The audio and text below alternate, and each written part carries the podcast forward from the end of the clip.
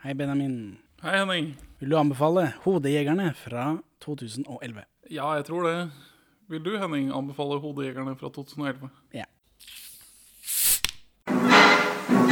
Perla for svin.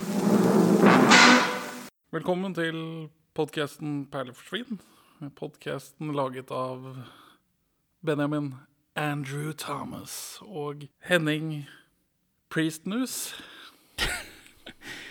Vi er to middelmådige menn i 30-åra som ser norske filmperler, og i dag så har vi sett suksessfilmen Hodejegerne. Internasjonale suksessfilmen Hodejegerne. Ja, det, det sto på internett et sted at den ble kjøpt av over 50 land før den var gitt ut i Norge. Jeg vet ikke hva det betyr, jeg. Ja, men, men jeg, tror, jeg, tror, jeg tror du kunne se denne på kino i utlandet. Det kan hende. Men ja, i- kanskje i land som dubber. Ja. Hvor mange franske filmer ser du på kino i Norge, liksom? Nei. Nei. Tyske? Nei. Nei. Mange norske filmer ser jeg på kino i Norge. Eh, en gang iblant. Eh, det føles ikke som det blir satt opp så ofte. Da. Nei. Det er en og annen sånn utbryterfilm, liksom. Jeg vet ikke om dette var en utbryterfilm, om det er det det betyr, eller om de bare har liksom dubba det til tsjekkoslovakisk. Kan fort hende. Regel nummer én. Sørg for å vite alt om de du besøker. Vår eh, schedule, Benjamin, eh, er jo sånn at noen ganger så må vi hasteinnspille en podcast i bilen, mens andre ganger så ligger vi flere måneder i forveien, så vi får ikke tatt opp aktuelle ting før lenge etter at det har skjedd. Nei, Sånn som det denne gangen. stemmer. Husker du at vi snakka om Norwaco-avtalen i episode 100? Det gjør jeg. Og at den gikk ut ved nyttår, og at vi sto i fare for å miste alt innholdet i NRK-arkivet. Veldig dramatisk. Det husker jeg det var brutalt.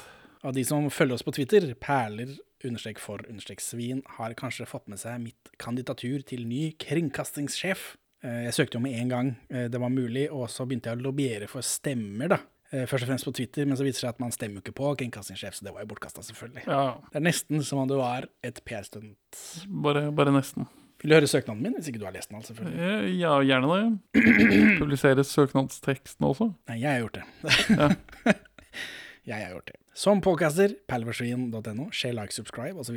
Med hovedfokus på norsk film, eneste fokus egentlig, er jeg unikt og særdeles kvalifisert til å styre NRK. Jeg ser meg selv som en synlig kringkastersjef, litt som Einar Fødde. Det første jeg vil gjøre, er å legge penga på bordet, så vi får hele, i store bokstaver, NRK-arkivet på nett. Vi får finne penga ved å kutte ut de programmene hvor NRK-veteraner drar verden rundt og koser seg på skattebetalernes regning, sånn som Team Bakstad eller hva en Torkjell Berfsen har gjort i det siste.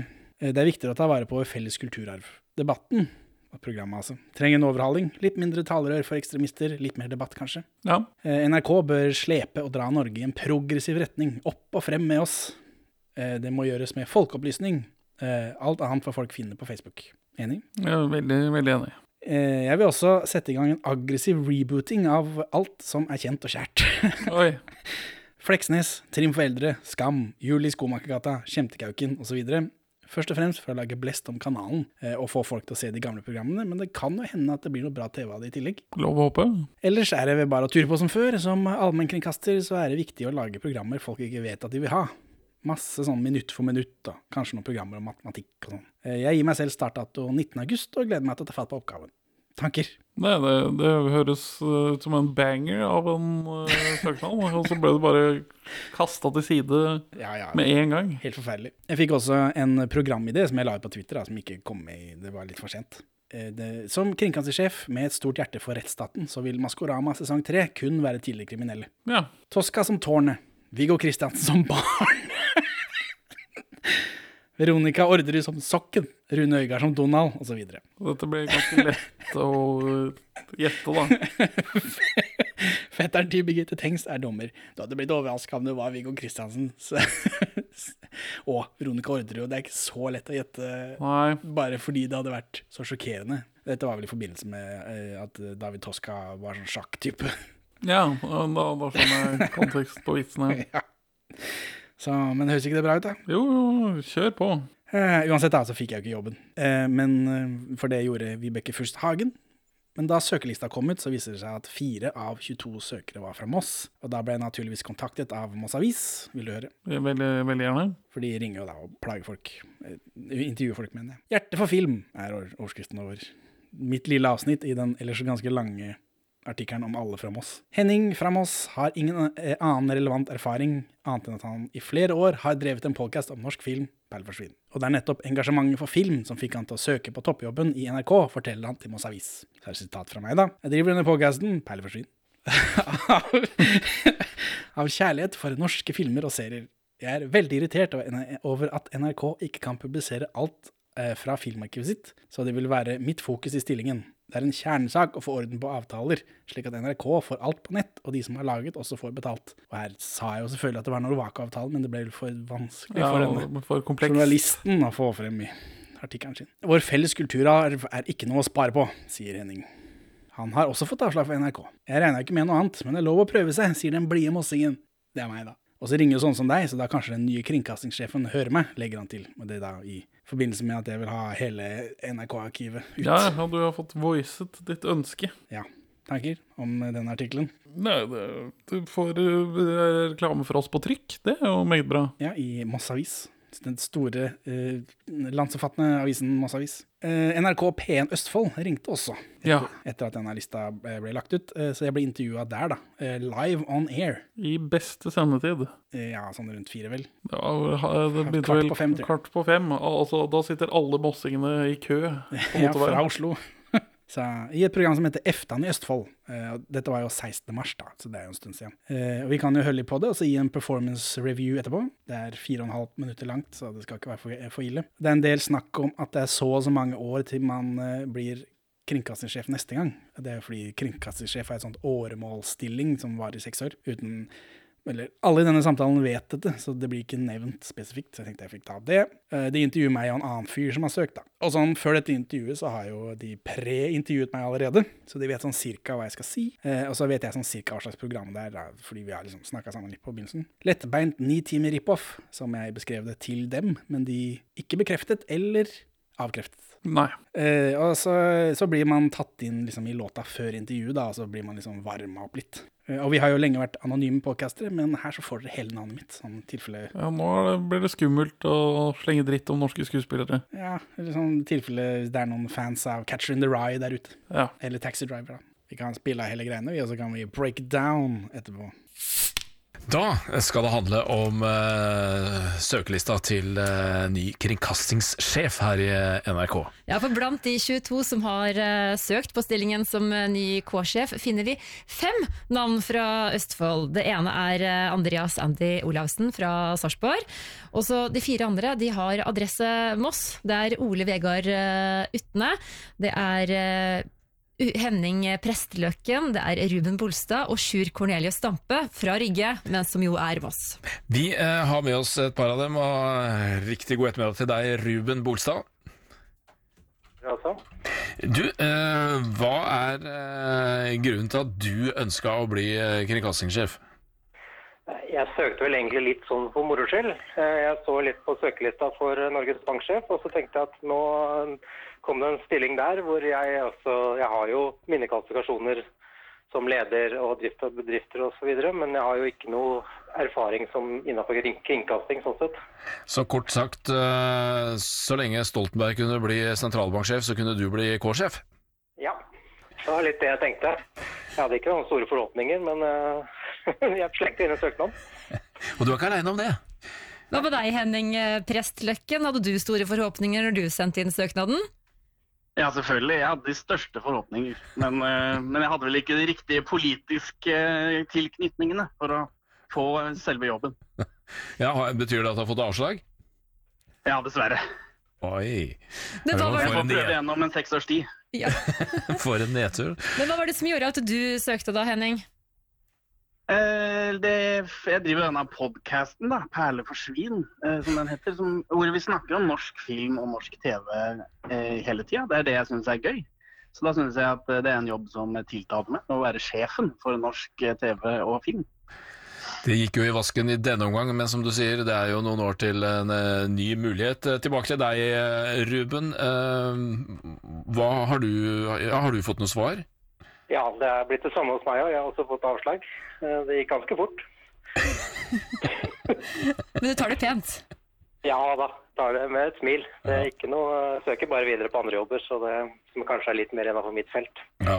Men akkurat nå er du eh, hjemme med, i pappaperm, eh, så hva, hva kunne du tenke deg hvis du ikke da kan bli kringkastingssjef? Nei, det blir vel Altså, jeg er åpen for eh, veldig mange muligheter. Eh, det er et vanskelig jobbmarked nå, men eh, jeg ja, en eh, mellomlederstilling, jobbe innenfor kommune, alt mulig sånt noe.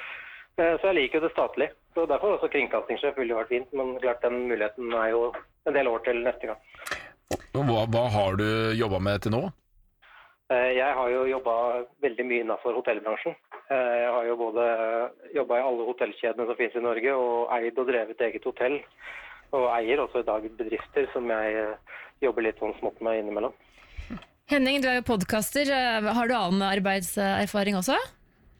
Eh, Ja, men ikke noe relevant for jobben. Det er mest uh, denne Jeg er semiprofesjonell konsument og analytiker av norsk film og TV. Så da, da syns jeg det hørtes fint ut at, eh, at man hvem som helst kan bare søke på denne jobben.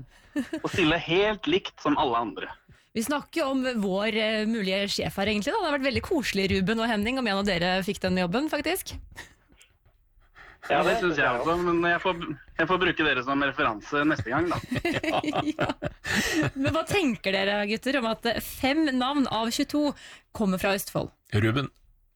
Eh, Ja, nei, Det syns jeg er litt dristig og spennende. og spesielt også, Jeg fikk jo Moss Avis ringte jo, og de sa jo at fire av de var fra Moss i tillegg. Så klart Det syns jeg jo var veldig spennende. At det er så mange kreative mennesker her Ja, som ønsker den stillingen. NRK må tydeligvis stå sterkt uh, i Moss, uh, Henning.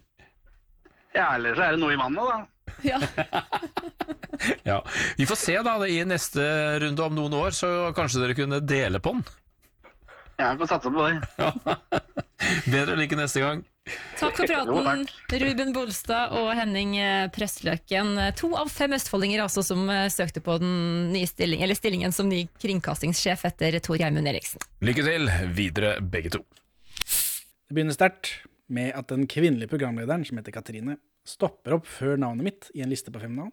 Det er jo bra, da. Liksom, snubler litt, og da blir det litt ekstra trykk. Det er uh, Henning Prestløken. Eh, Så det var fint, da. Da hører man det liksom bedre, syns jeg. Ja, Synes du ikke det? det aksentuerer navnet dette. ja. Eh, Og så tar den mannlige programlederen over. Han heter Finn Børge. Det er jo aldri nok børger i verden. Ja, nei, vi trenger flere. Eh, og så begynner han å snakke med han andre fyren, dessverre, da, liksom før meg. At han andre fyren får komme inn først. Eh, og han andre fyren har misforstått oppdraget. Når man først blir kringkasta på lokalradio, så bør man jo prøve å komme med noe, mens han tror han er på et ekte jobbintervju eller sånt nå. Ja, og øh, Ja, han virker sånn snurt over sin Situasjonen i livet. Ja, For han, eh, han trenger en del drahjelp fra Finn Børge også. Ja, vi kommer tilbake til han senere. Ruben gjør ikke noen spesielt flott figur, så hvis vi skal analysere det som en helhet. Så er, det min, så er det min tur til å snakke. Så er det min tur til å snakke. Eh, og jeg prøver å være morsom med å late som om jeg trodde jeg hadde muligheten til å få jobben. Eh, og så får jeg komme med noen stikk til politikerne som faktisk får disse toppjobbene. Så Sånt liker folk i Østfold, tenker jeg. Ja, det tror jeg. Sparke litt oppover. Ja. Det blir bra. Hva er kvalifikasjonene man trenger? da? Man må jo være politisk eh, knyttet til de rette folkene for å få disse jobbene som Det holder ikke å ha sett masse film og TV hvis du skal være sjef for film og TV. Da du må være politiker. Eh, men så røper jeg samtidig at jeg har fått avslag, da. Så det, sånn. Ja. I sånne telefonintervjuer så er det litt lag, som du, du hører her sånn. Eh, og det fører til at, til at man snakker oppå hverandre, men, men jeg er en luring, så jeg kjører bare på. ja, det Du er alfaen av de to. ja, fordi alle intervjuer er eh, konkurranse. Ja. så, eh, og det vinner jeg på senere, da, eh, når jeg bare overkjører den andre gjesten. Vi snakker jo om vår mulige sjef her, egentlig. Da. Det har vært veldig koselig, Ruben og Henning, om en av dere fikk den jobben, faktisk. Ja, det syns jeg også, men jeg får, jeg får bruke dere som referanse neste gang, da. ja. Så, og så får jeg en podkast-navnet klart og tydelig, til knising fra Katrine, så det, men det er tydelig og fint, heldigvis. Og så får jeg frem hva vi driver med her, da, i denne podcasten. Så var det bra. Det var meget, meget bra. Du gjorde en god figur. Eh, og så er det noe mer preik med han andre, eh, men han har én eh, latterlinje da, som han også gjentok i den samme avisartikkelen som jeg leste for det. Hvor de snakka om meg, da, men de har snakka om han også. De har snakka med han. Så, eh, om at han fikk raskt avslag. At han syntes det kom litt fort, for vi fikk avslag samme dagen som de sa nå har vi valgt ny. Eh, og han er hjemme i pappaperm samtidig som han er arbeidsløs, eller hva er dette for noe? Ja, det må jo være det. Går det an? Han, altså Hvis han har vært i hotell, i hotellbransjen, så er han vel blitt sånn korona-avskjær. Ja, kanskje.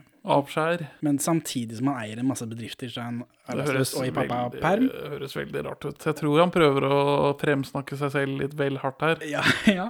Og han, han liker det statlig, men han har jobbet i alle landets hotellkjeder. Statlige hoteller? Hva er dette? Det gir ikke noe mening. Fengsel, er det det han mener? Kanskje. Og så spør de meg, da, eh, om hva jeg jobber med. Eh, Men jeg er ikke her for å snakke om noe annet enn podkasten. Nei, nei, det, du du rett der. Ja, ja, så jeg vrenger rett ut i en replikk jeg fikk ordrett fra deg. Henning, du er jo podkaster. Har du annen arbeidserfaring også?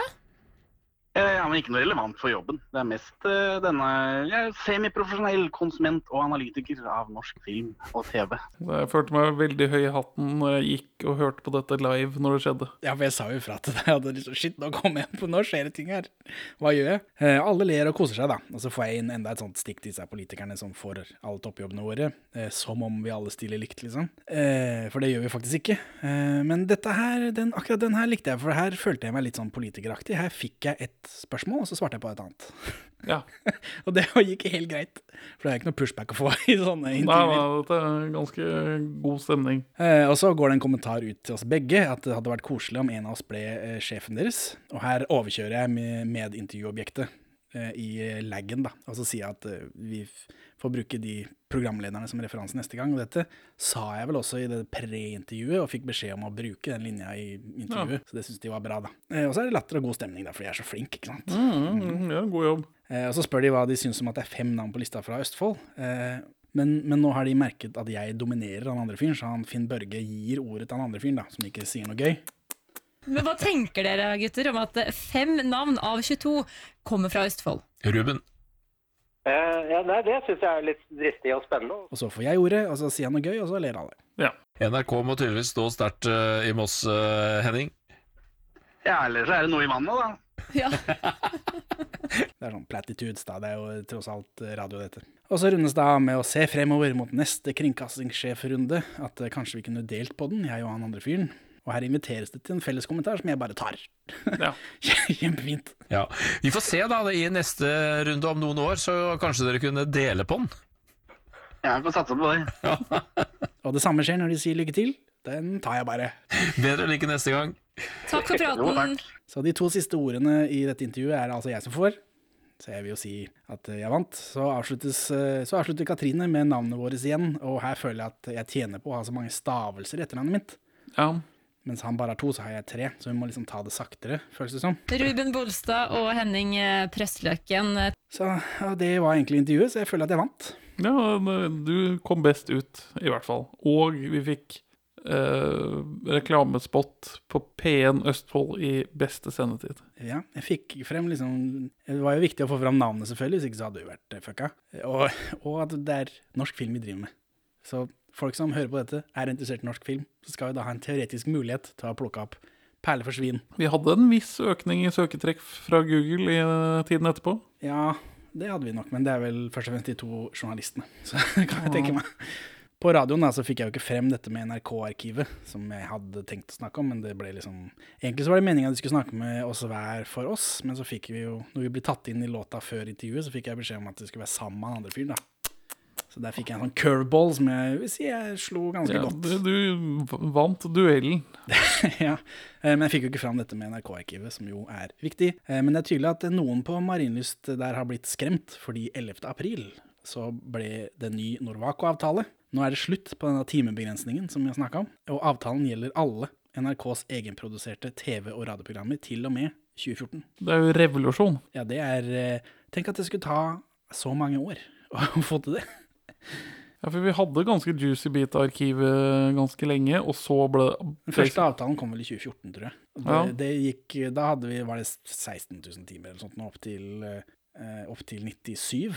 Men eh, og så ble det mindre i 2020 til 2022, og så nå da har de liksom sluppet opp ordentlig. Det tok fire måneder på overtid og riksmegling, men trusselen om en så radikal kringkastingssjef som meg, antar jeg da, Det kan man jo trygt anta. eh, førte til en meget bedre avtale enn det vi har hatt tidligere. Eh, Men jeg klarer ikke å finne ut hvor mye NRK har tenkt å betale. Altså, Det er litt sånn pussig. Nei, men Norwaco har en egen hjemmeside. da. Jeg tror man skulle kunne finne det der. Det står ikke, jeg har sjekka. Eh, Men, men. Så du kan snart se offshore igjen, da, som virker å være det viktigste når dette blir omtalt. eh, Ja. Både hos NRK og hos eh, Norwaco på sine egne hjemmesider. Hvorfor offshore, liksom? Mia Gundersen. hva Er det liksom rosinen i pølsa? Jeg tror det må ha vært helt sjukt populært når det gikk. Ja. Og så har de liksom dratt fram det. Og Jule i blåfil og sånt noe har det har det vært mye mas om i etterkant av Jule i blåfil også. Jeg føler ikke at offshore har blitt snakka om så mye i etterkant. Nei. Så, men det er, det er nå det, da. Det har skjedd siden sist. Det er jo mange måneder siden, mange måneder siden alt nå, men eh, sånn er det. Jeg vil uh, takke deg for ditt uh, arbeid for bevaring av norsk kulturarv. Jo, eh, takk.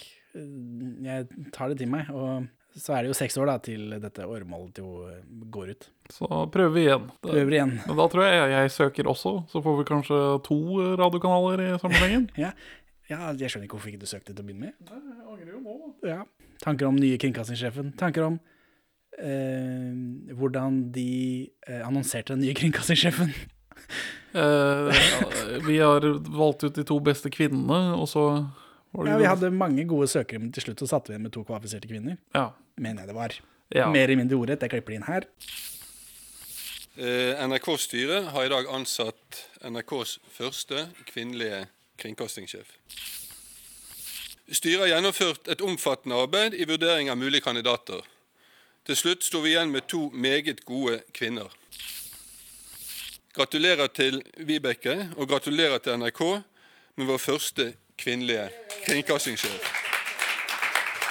Du, du etterfølger du etterfølger 13 menn, og jeg er sikker på at du kommer til å gjøre på en strålende måte og bedre enn mange av dine forgjengere.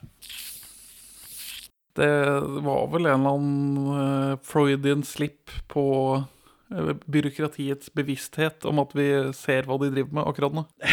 ja, og så var det jo veldig mye sånn um, Bård Tufte Johansen, ditt satte priv, eh, Jon G. Bernander-prat, syns jeg. Det, jeg lo og slo meg på knærne av det. At jeg kjente Ja. igjen det liksom Wow, det, du har ingen selvinnsikt. Ja, du er bare en sånn New Public Management-marionette. ja, eller altså han fyren som annonserer dette, da. Men, men da det er liksom så tydelig at det er sånn kursprat, da. At det, dette er masse sjefer som bare prater med hverandre. Han prøver ikke å være litt sånn normal engang, Ja. Men samtidig så skal han jo liksom på TV, og det er jo Det blir som jeg ser på Eller ser på Når jeg har kommet i skade for å se Lørdagskveldunderholdningen, er det noe som heter Alle mot alle, eller noe sånt? Alle mot én, noe sånt noe? Det går noe reklame for det, og de er han som spiller Kjell i Olsmann junior julekalenderen er med nå, så jeg. Ja, Mm, det er Un unrelated, men de er helt utrolig unaturlige, glade og liksom fornøyde. Og det liksom skjønner ikke at folk ser dette, og at vi, vi vet at det er tull, på en måte. Det er, mm, det er ubehagelig å se på. Det er sånn uh, Uncanny Valley å se på. Dere er ikke så glade. Nei. Tørka deg fliret, det er bare å være normal. Men det går jo ikke. Det skal jo være for alle, for barn og alt mulig dritt. Regner jeg med. Ja, det var en lang prat om ikke noe på slutten der, men iallfall kringkastersjef eh, 2028. Ja. Henning. Fra Perler for svin. Podkasten Perler for svin. Perler for svin. Semiprofesjonell konsument og analytiker av norsk film og TV. To. Bruk aldri mer enn ti minutter. For hvert minutt som går, øker sjansen for at noen kommer uventet hjem. Folk eh, kommer opp til meg støtt og stadig, Benjamin. Du, du gjør det? Ja, menn i hatt eh, og frakk. Og spør når kommer Arne Skouen Ellingsommer 2? Når, jeg må ha det. Jeg må ha det. Og da Vi hadde jo tenkt å ha det i år også, men så plutselig så kom det en Olsmann-film eh, på kino, så da fikk vi ikke tid. Nei. Så det er, dessverre så ble det Arne Skouen Elling sommer 2 skjøvet ut til fordel for mer Olsmann. Det er byttet alle er glad for, antar jeg. Mm. Mm, Kjempeglad. kjempeglad. Energisk. Livlig. Så jeg tror vi bare må skyve det til neste år. Arne Skouen Elling nummer to. Nå er det jo ikke flere Elling-filmer enn så lenge. Enn så lenge. Men uh, Ingvar Ambjørnsen har skrevet flere bøker som har blitt film. Ja, Døden på Oslo S, for eksempel. for eksempel. Der er det jo tre filmer. Det er sant. Arne Skouen har jo flere filmer bare liggende, uten at det er noe tema på dem. Så det, jeg satser på det blir til neste år. Jeg har lyst til å se mer Arne Skouen. Hva er greia, liksom? Ja. Jeg, jeg vet ikke om vi fant ut av det sist. Da så vi bare krigsfilmene hans. Ja. Han har jo komedier. Han har ting. Så sånn er det. Så det blir Arne Skouen, Ambjørnsen sommer neste Ja. år. Ja, men jeg føler Arne Skouen, Ellingsommer, eh, copyright, eh, trademark, Perleforsvinn eh, er Det svinger litt mer. Ja. Perleforsvinns uh, Arne Skouen, Ellingsommer, del to. Um, henger jo veldig godt sammen. Tre. Ikke legg igjen DNA. Aksel Hennie, Podcastens maskot. uh, Skytshelgen, tror jeg du mener. Ja. Jeg ser bare krigsfilmer, jeg. Norske krigsfilmer. Max Manus, har du sett den? Ja, men den Det er, er en god film. ja, men den Det er er en god film. Han har jo akkurat uh, i, Når de lager denne, i 2011, så har han akkurat prøvd seg litt i utlandet, i Storbritannia, i en film som heter Age of Heroes. Hvor han Ja. spiller uh, Det er en sånn andre verdenskrig-film med Sean Bean. Uh, han spiller, jeg tror han spiller Gunnar eller Steinar eller noe sånt. Nei, Han er norsk i hvert fall. Skal være, eller har norsk opphav, om ikke han uh, er 100% norsk. Uh, Hercules er jo ikke før i 2014. Nei. Fire. Ikke kast bort tid med å skaffe en dyr kopi. Selv med banalt enkle forfalskninger tar det uker før du blir oppdaget. Morten Tyldum, regissøren. Ja. Hvor mange filmer har han regissert, tror du, når han lager Hodejegerne? Én. Eller dette er hans tredje film. Eh, men han har holdt på siden 1991, da, i U, denne ungdomsserien for NRK2, da NRK2 var nytt og hipt. Ja. Men hans første film eh, ja, ja, Hvis vi ikke regner Folk flest bor i Kina, da, hvor han har regien på et segment. Hvilket da? Høyre. Ja. Dressmannen. Sven Nordin. Gøy. Det er Sven Nordins penis. Ja. Eh, hvis vi ikke regner den, så er Buddy, eh, episode 19 av podkasten her, eh, den første filmen han regisserer. Ja. Eh, og så er det en Varg VM-film i 2008, og så er det denne i 2011. Og så etter dette så er det rett over på Imitation Game i 2014, hvor det er, er Oscar-nominasjoner og det ene og det andre. Om ikke han vant da, eller ikke han, men filmen. ja, jeg tror filmen raska med seg noe, i hvert fall. Jeg lurer på det. Så dette er jo, det er jo eh, litt av tospann her som, eh, som tar sats før de skyter ut i verden. Ja. Sammen. Hånd i hånd. Springbrett inn i international stardom. Det stemmer. Hun kona til Roger Brown. Synnøve Mercodi Lund. Har hun vært gift med Tyrdum noen gang? Nei. Ok. Hun er en veldig dårlig skuespiller. Hun har vært gift med Christer Falk. Er det sånn, det? Fire. Ikke kast bort tid med å skaffe en dyr kopi. Selv med banalt enkle forfalskninger tar det uker før du blir oppdaget. Denne filmen er basert på en bok.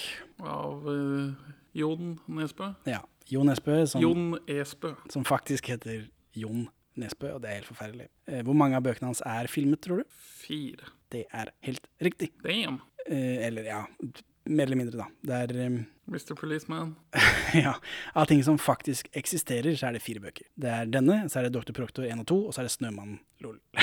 Det gikk ikke så bra. Eh, og så er det ting som ikke helt virker å eksistere. Det er ikke noe bilde på IMDb, det er knapt listet skuespillere osv. De har ikke noe årstall. sånt nå. Okay. Det er en TV-film eh, fra 2013 som heter I Am Victor, med John Stamos i hovedrollen. en TV-miniserie uten årstall kalt The Sun, som bare har Jake Gyllenhaal på IMDb og ingen andre. og heller ikke årstall. Eh, og så er det en film til, også uten årstall, men med noen norske avisartikler eh, sånn tilknyttet, som heter The Hanging Sun. Så vet, det er kanskje syv bøker totalt, da, men det er bare fire som faktisk eksisterer på ordentlig. Mm. Og dette er den første boka til Jo Nesbø som blir filmatisert, eh, men han har rotet litt med film før det. Hans første kreditt på IMDb er manus på Deadline Torp fra 2005. Ja, denne gisselserien. Ja, serie, det er to episoder. Det er sånn vi lager TV-serie i Norge. Miniserie, TV-film om Jo, lenger man kommer fra USA, jo kortere serier eh, lager man. Ja. Så i USA 25 episoder, Storbritannia 6 til 8, Norge 2. to-tre i året. Sovjetunionen kun TV-filmer. Ja, eh, Den handler om postran i Larvik da, og det påfølgende gisseldramaet på Torp flyplass.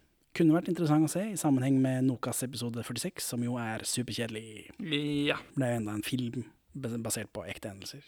Så hvem vet, kanskje det er mindre kjedelig. Deadline Torp.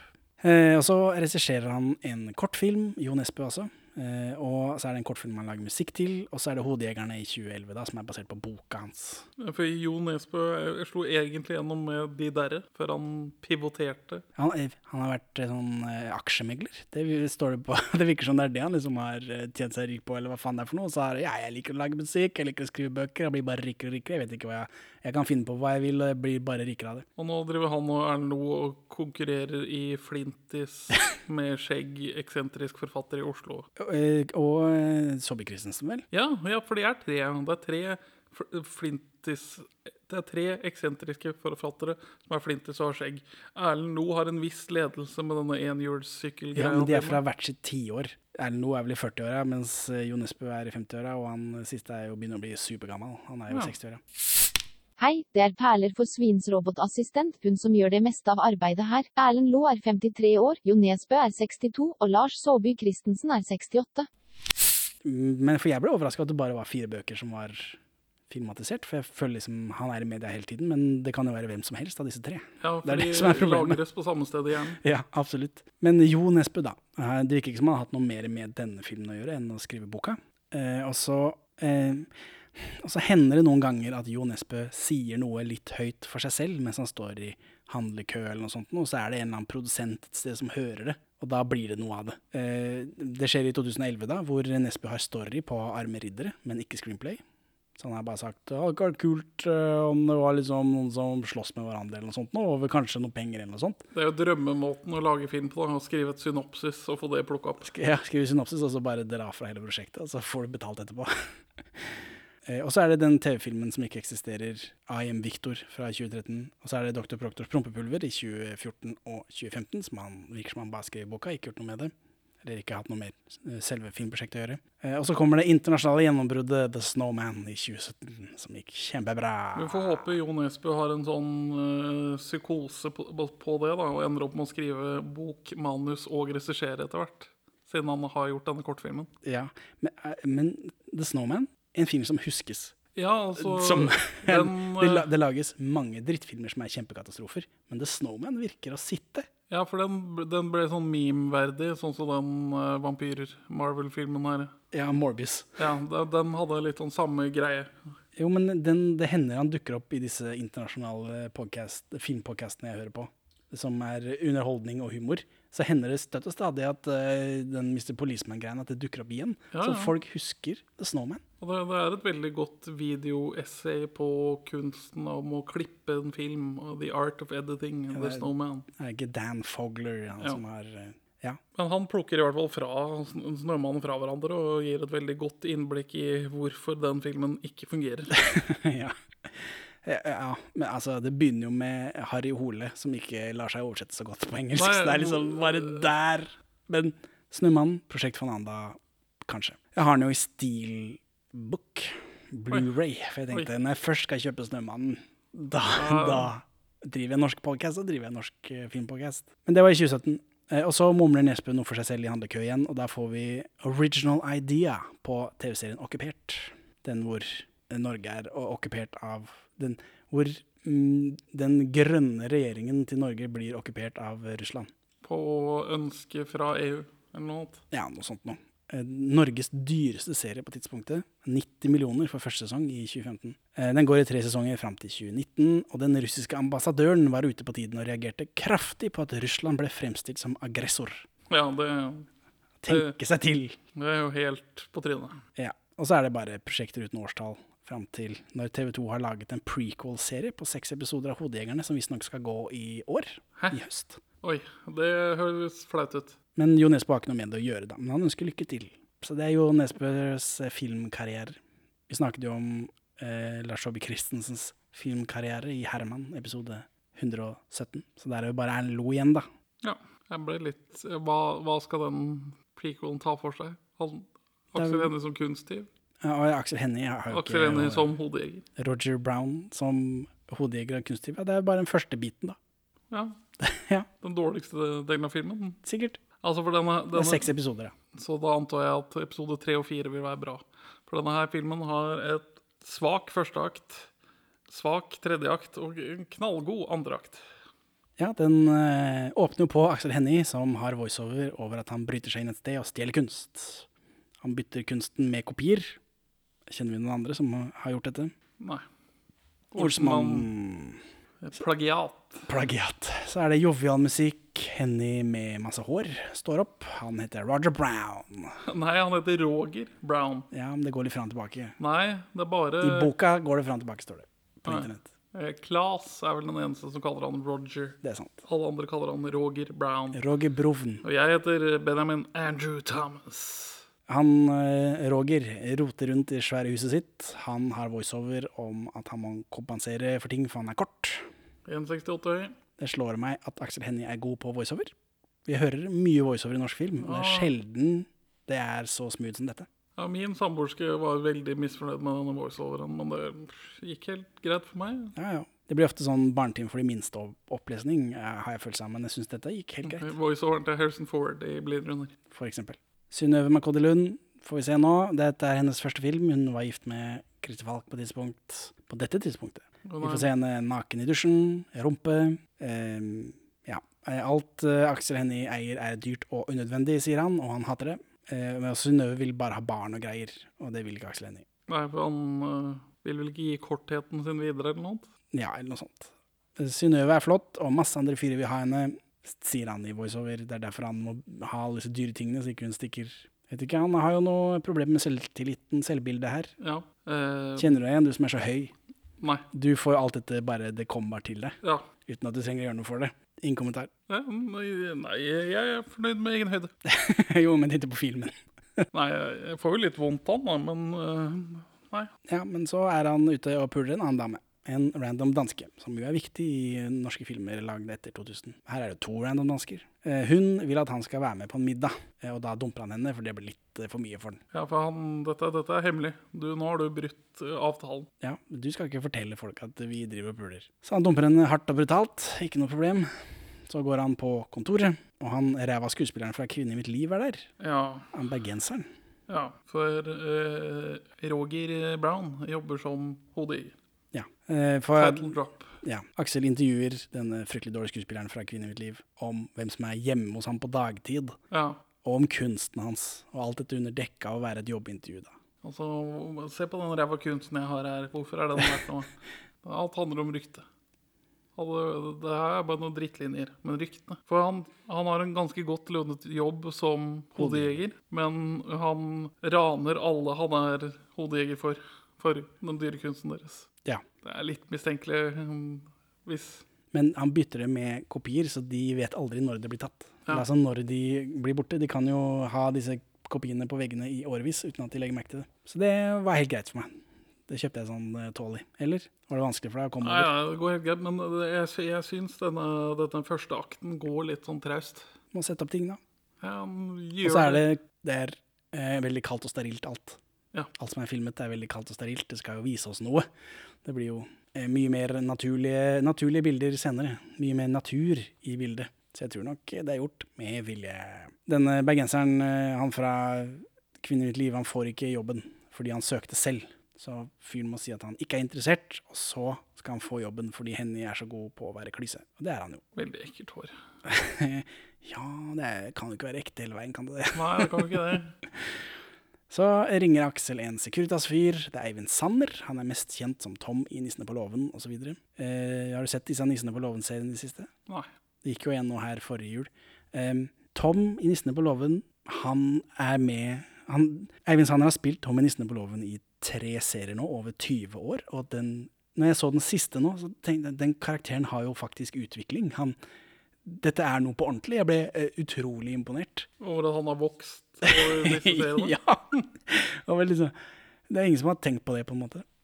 Eller noen har sikkert tenkt på det, men, men jeg ble veldig imponert når jeg så det. For han begynner jo som Han har jo masse problemer hele veien, og så vokser han som karakter på disse 20 årene og finner ut at han har masse problemer som han liksom må prøve. Han har masse demoner han må prøve å bekjempe, og så gjør han det så godt han kan, og så er det ikke alltid det går riktig, og så tar han oppgjør med det etterpå.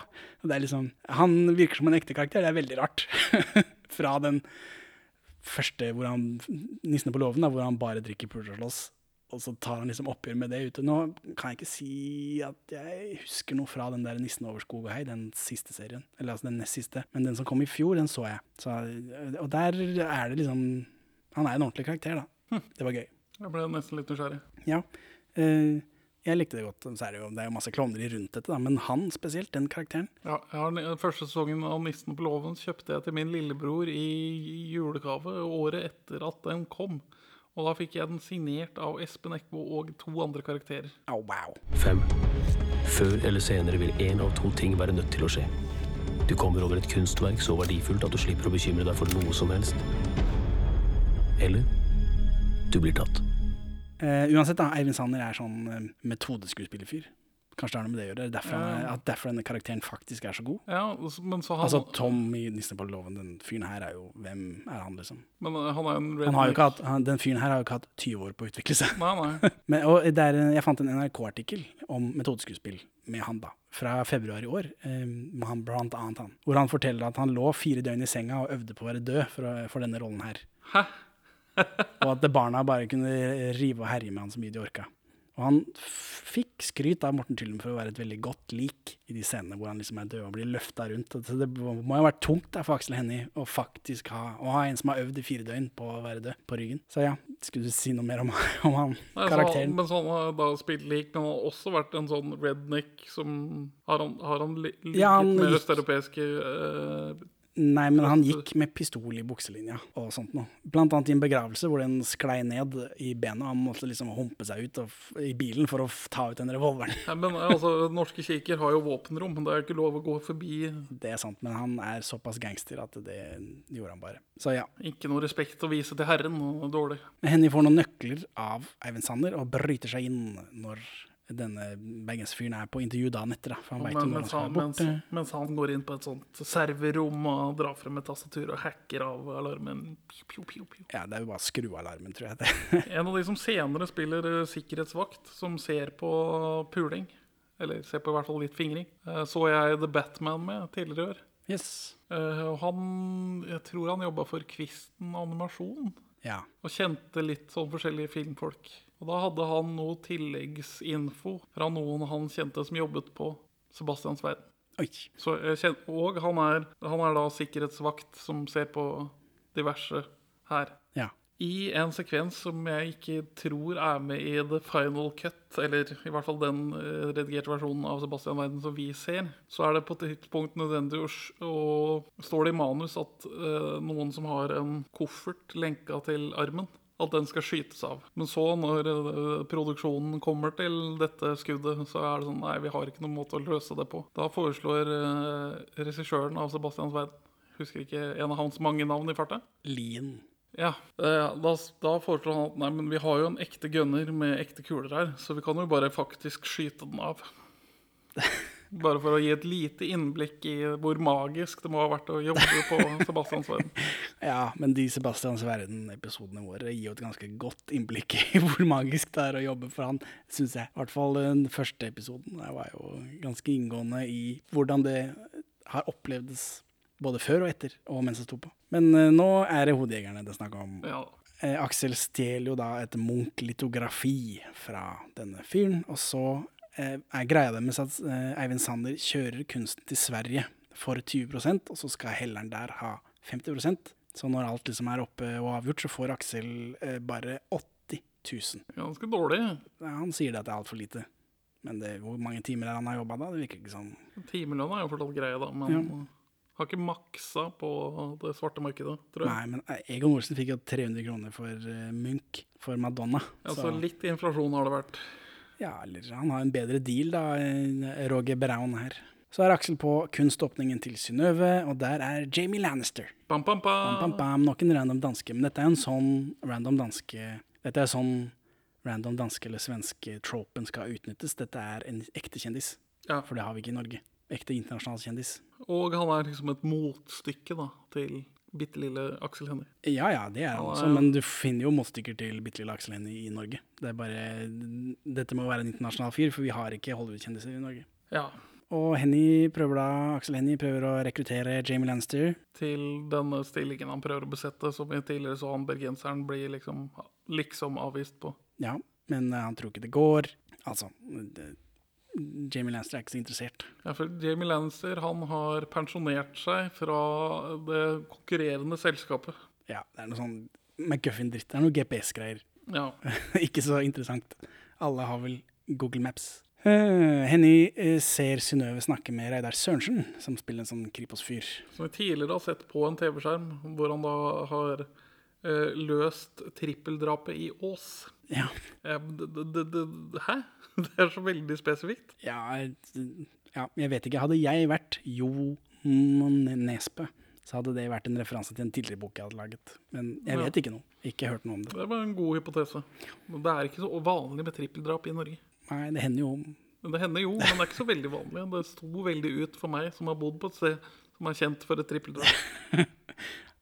Eh, Reidar Sørensen er faren til nye Kjell i Olsmannen. Ja. Og eh, Kjersti Holmen er mor hans. Ja. Altså ikke til Reidar Sørensen, men han andre. Heldiggris, da. Tja, hun er jo død. Ja, ikke så heldig. Reidar Sørensen spiller jo også sånn politimann i 1732 Høtten. Aksel Hennies debutfilm.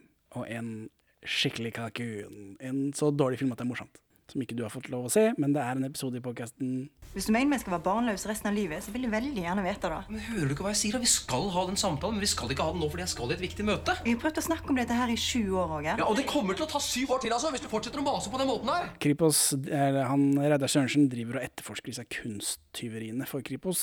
Det får vi etablert her, bare. Ja, for han er liksom Han er en stjernereporter av en eller annen Stjerne- type. Stjerneetterforsker, mener jeg. Vet ikke, Vi har- Kjenner vi etterforskere på navn i Norge? Vi har hatt noen sånne Eirik Jensen. Han er den eneste jeg kom på. Eh, Men han ble ikke kjent med før han hadde dritt seg ut. Og så var det han som har etterforskningsles... Eh, han som ledet etterforskningen på hun der på Lørenskog som ble drept av gubben sin. Han, han, var veldig kjekk, så han fikk også litt sånn Men du kan ikke navnet hans? Nei, jeg Ikke jeg heller. Jeg- jeg- Dette sier meg ingenting. Jeg har solgt noe på han på Finn. Ok. Der har nok du et eh, sterkere forhold til han enn mange men men andre. eh, det var i hvert fall veldig mange som thirsta etter han på Twitter når den, han var mye på TV. Ja, ja. Jeg har ikke sett den. Henny er hjemme, han prøver å kule seg ned litt. Cool down. Synnøve sier at uh, The Kingslayer har et kunstmaleri som ble stjålet under krigen hjemme. Ja. Uh, det, det Rubens maleri, The Caledonian Boar Hunt. Det virker ikke å være ekte. Nei. Rubens har lagd mange bilder med, det, med sånne motiver, men det ligner ikke på det som er i, i filmen. Lagd, eh, og lignende ting. Masse, Rubens har malt masse folk som dreper ting. Det ligner ikke på noe. Jeg fant ikke noe. Nei. Så det her da vekker Roger Browns interesse for dette fortapte Rubens-maleriet. Hva syns du? Syns du om plottet? Eh, jeg syns dette, McGuffinen. dette, dette fungerer litt, men når jeg, tenker, når jeg kommer til tredje akt og jeg skal begynne å liksom sette sammen hva planen til Jamie Lannister er her Ja, er sånn, det var litt sånn kaotisk. hva, OK, for du skulle ved å gjøre hva? Gjøre, oppnå det du ville? Ja, det var planen, da. Synnøve har startet eget galleri, eh, og senere så ringer Aksel til Eivind Sanner, som er naken på badet med gunner. Så her blir pikken motor. Og så kommer det en naken dame og skyter på han, og han skyter tilbake. Eh, men det er bare løskrutt, da. Heldigvis. Heldigvis. Så det er vel noe sexgreier, sikkert. Dette er en give-out på senere bruk av løskrutt. og- Det er ganske farlig med løskrutt. da, bare sånn Det er det spesielt hvis du er naken. Men eh, Brannsår på ollene er ikke det man har lyst til å oppnå. ja, men jeg tror det viktigste med den scenen er tissen til Eivind Sander. Tror du ikke det? Tissen på låven. Navnet er Claes Greve. Han bor i Oscars gate 25. Er det Greve? Han heter Greve. Ove? Ove, hva skjer? Ove? Sorry. Morgenen etter så driver Synnøve og maser om barn, det er jævlig masete, så Henny må i møte. Jeg har ikke tid til å snakke om dette barnegreiene. Henny blir sint, og eh, her kommer den der gode, gamle skrike-Aksel som vi liksom kjenner, uh, syns jeg. Sånn som i eh, når han roper på Morten i Uno. Roper på eh, Nicolai Klevebrok i Uno. Ja, dette er, dette er god gammel Aksel. Ja, og liksom, når han sitter og klatrer opp den der krana i Buddy og sitter der oppe og, og, og furter Dette her, det, dette er, det er, klassisk eh, Henny. Ikke sånn superbra, men, men gøy fordi vi ser det hele tiden. Ja. Jeg, jeg, jeg, jeg, har et veldig sånn elsk-hat-forhold til Aksel Hennie. Ja. Jeg liker han og ikke. Jeg har jo sendt han eh, coverene mine for å få autograf, og det fikk jeg velvillig vekk. Og et lite sånn kort med 'god jul' eller noe sånt noe. Oh ja, såpass. Ja, så jeg har ikke noe å, å avskrive på han. Hatten av til deg, Aksel. Ja, ja, ja. Og han, Gjesteepisode. Vi er åpne. og han tegnet på Uno-coveret mitt. Eh, djevelhorn på Nicolai Kleverrock og en sånn engelglorie over seg selv. Så eh, han, Det, det, det, er, det er gøy. Det er gøy. Fy faen. Disse idiotene maser jo som lokomotiver, så vi får ta resten av denne diskusjonen til neste uke. Preges. Takk for at du hører på Perler for svin. Du finner oss først og fremst på perleforsvin.no, men også på Twitter under perler-for-svin, Facebook som perleforsvinpod, eller du kan maile oss på perleforsvinpod at gmail.com. Gi oss gjerne en eh, rating i din lokale podcast-avspiller, og, og legg igjen en beskrivelse, så folk skjønner hva det er for noe tull vi egentlig driver med. Her er ukas Pål Bang-Hansen-sitat ute av kontekst. Tiden nærmer seg for Hollywoods årlige sjøldiggingsfest, Oscar-utdelingen. Ove? I told you to stay in the car. But I have no light. Out! We're having a meeting. Шел ты нахуй, пидорас несчастный, бляха-муха. Damer, Som jeg forsøkte å si før jeg ble avbrutt av en russisk prostituert. jeg har en lunsj med Greve på mandag. Da skal jeg finne ut når den leiligheten står tom, så jeg kan gå inn og hente det maleriet. Er det dette som er selvbevissthet? Er det jeg som styrer showet nå?